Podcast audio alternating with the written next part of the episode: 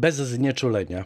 Ukraina walczy, w Polsce niesamowita mobilizacja wspaniałych, wielkich serc, a jednak coraz częściej głos w sprawie zabierają nasi rodacy, którzy zupełnie nie łapią, co to znaczy, że człowiek jest istotą myślącą i pokazują, że oni są tylko przewodami pokarmowo-wydalniczymi, przez pomyłkę zapewne zaopatrzonymi w szczątkowy móżdżek.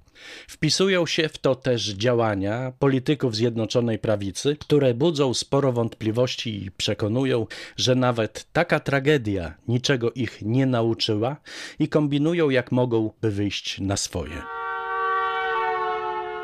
Prasówka tygodniówka pod redakcją Tamary Olszewskiej 28 luty 6 marca 2022 roku. Czyta Piotr Sobieski. No i proszę, wychodzi szydło z worka, a właściwie szydło, która jako kolejna już uznała, że za tę wspaniałą pomoc Ukrainie, za to wsparcie, coś się Polsce od Unii Europejskiej należy. Co? Od chociażby kasa na nasze KPO. Oburzyło ją podtrzymywanie stanowiska Komisji Europejskiej, która nadal uzależnia wypłatę pieniędzy od poszanowania praworządności. Według niej to nic innego jak działanie na rzecz Putina i zupełnie nie dostrzega, że jej kolesie koalicyjni, niszcząc polską demokrację, pięknie wpisują się w ten putynizm, z którym tak walczą. Kobieto, ogarnij się co niektórzy uznali, że można zbić niezły interes na tragedii Ukraińców.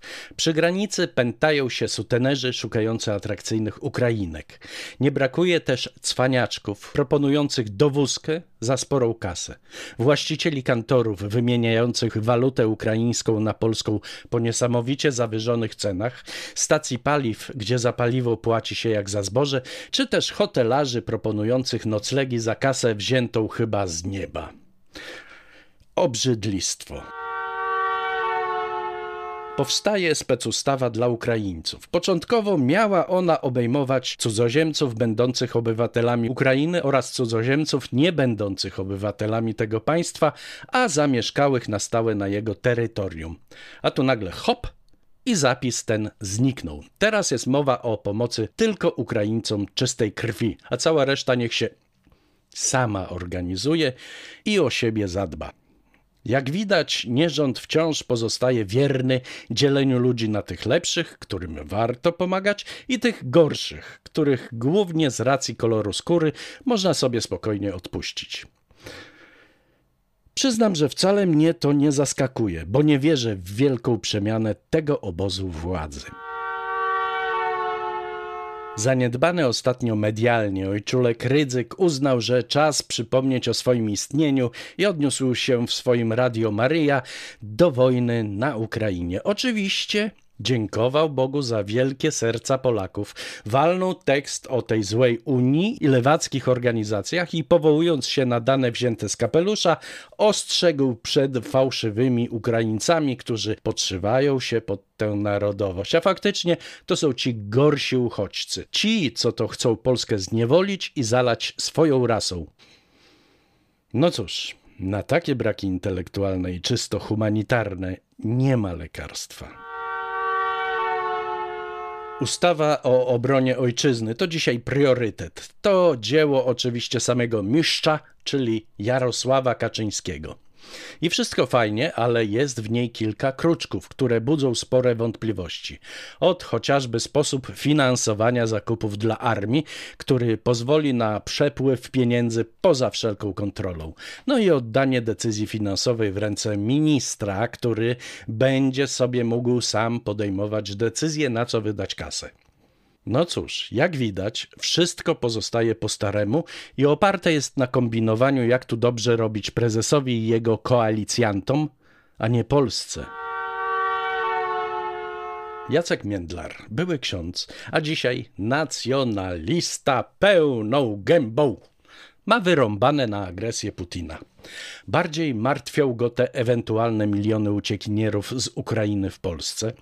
Przekreślenie akcji Wisła, co w powiązaniu z banderyzacją na Ukrainie kreśli ponury scenariusz. Owszem, Putina nie lubi. Wojny nie pochwala, ale woli pamiętać o Wołyniu i przypominać rodakom o mordowaniu Polaków na Ukrainie. Co za zgnilizna. Również Konfederacja rozpowszechnia informacje o obcych rasowo, którzy z Ukrainy przedostają się do Polski i żąda, by natychmiast odesłano ich z naszego kraju. Rozsyła jakieś fejki i podkręca strach oraz wrogość, czego efektem chociażby pobicie trzech hinduskich studentów z Ukrainy. Bez komentarza.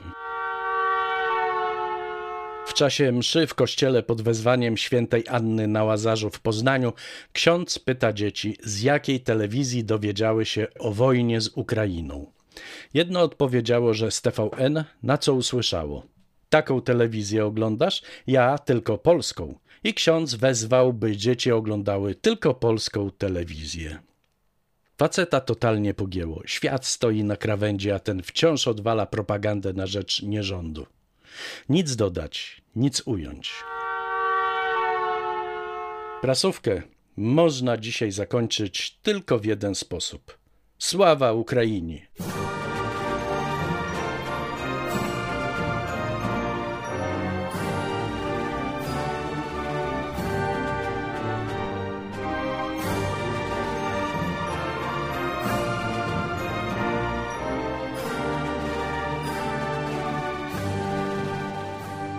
Była to prasówka tygodniówka pod redakcją Tamary Olszewskiej. Czytał Piotr Sobieski.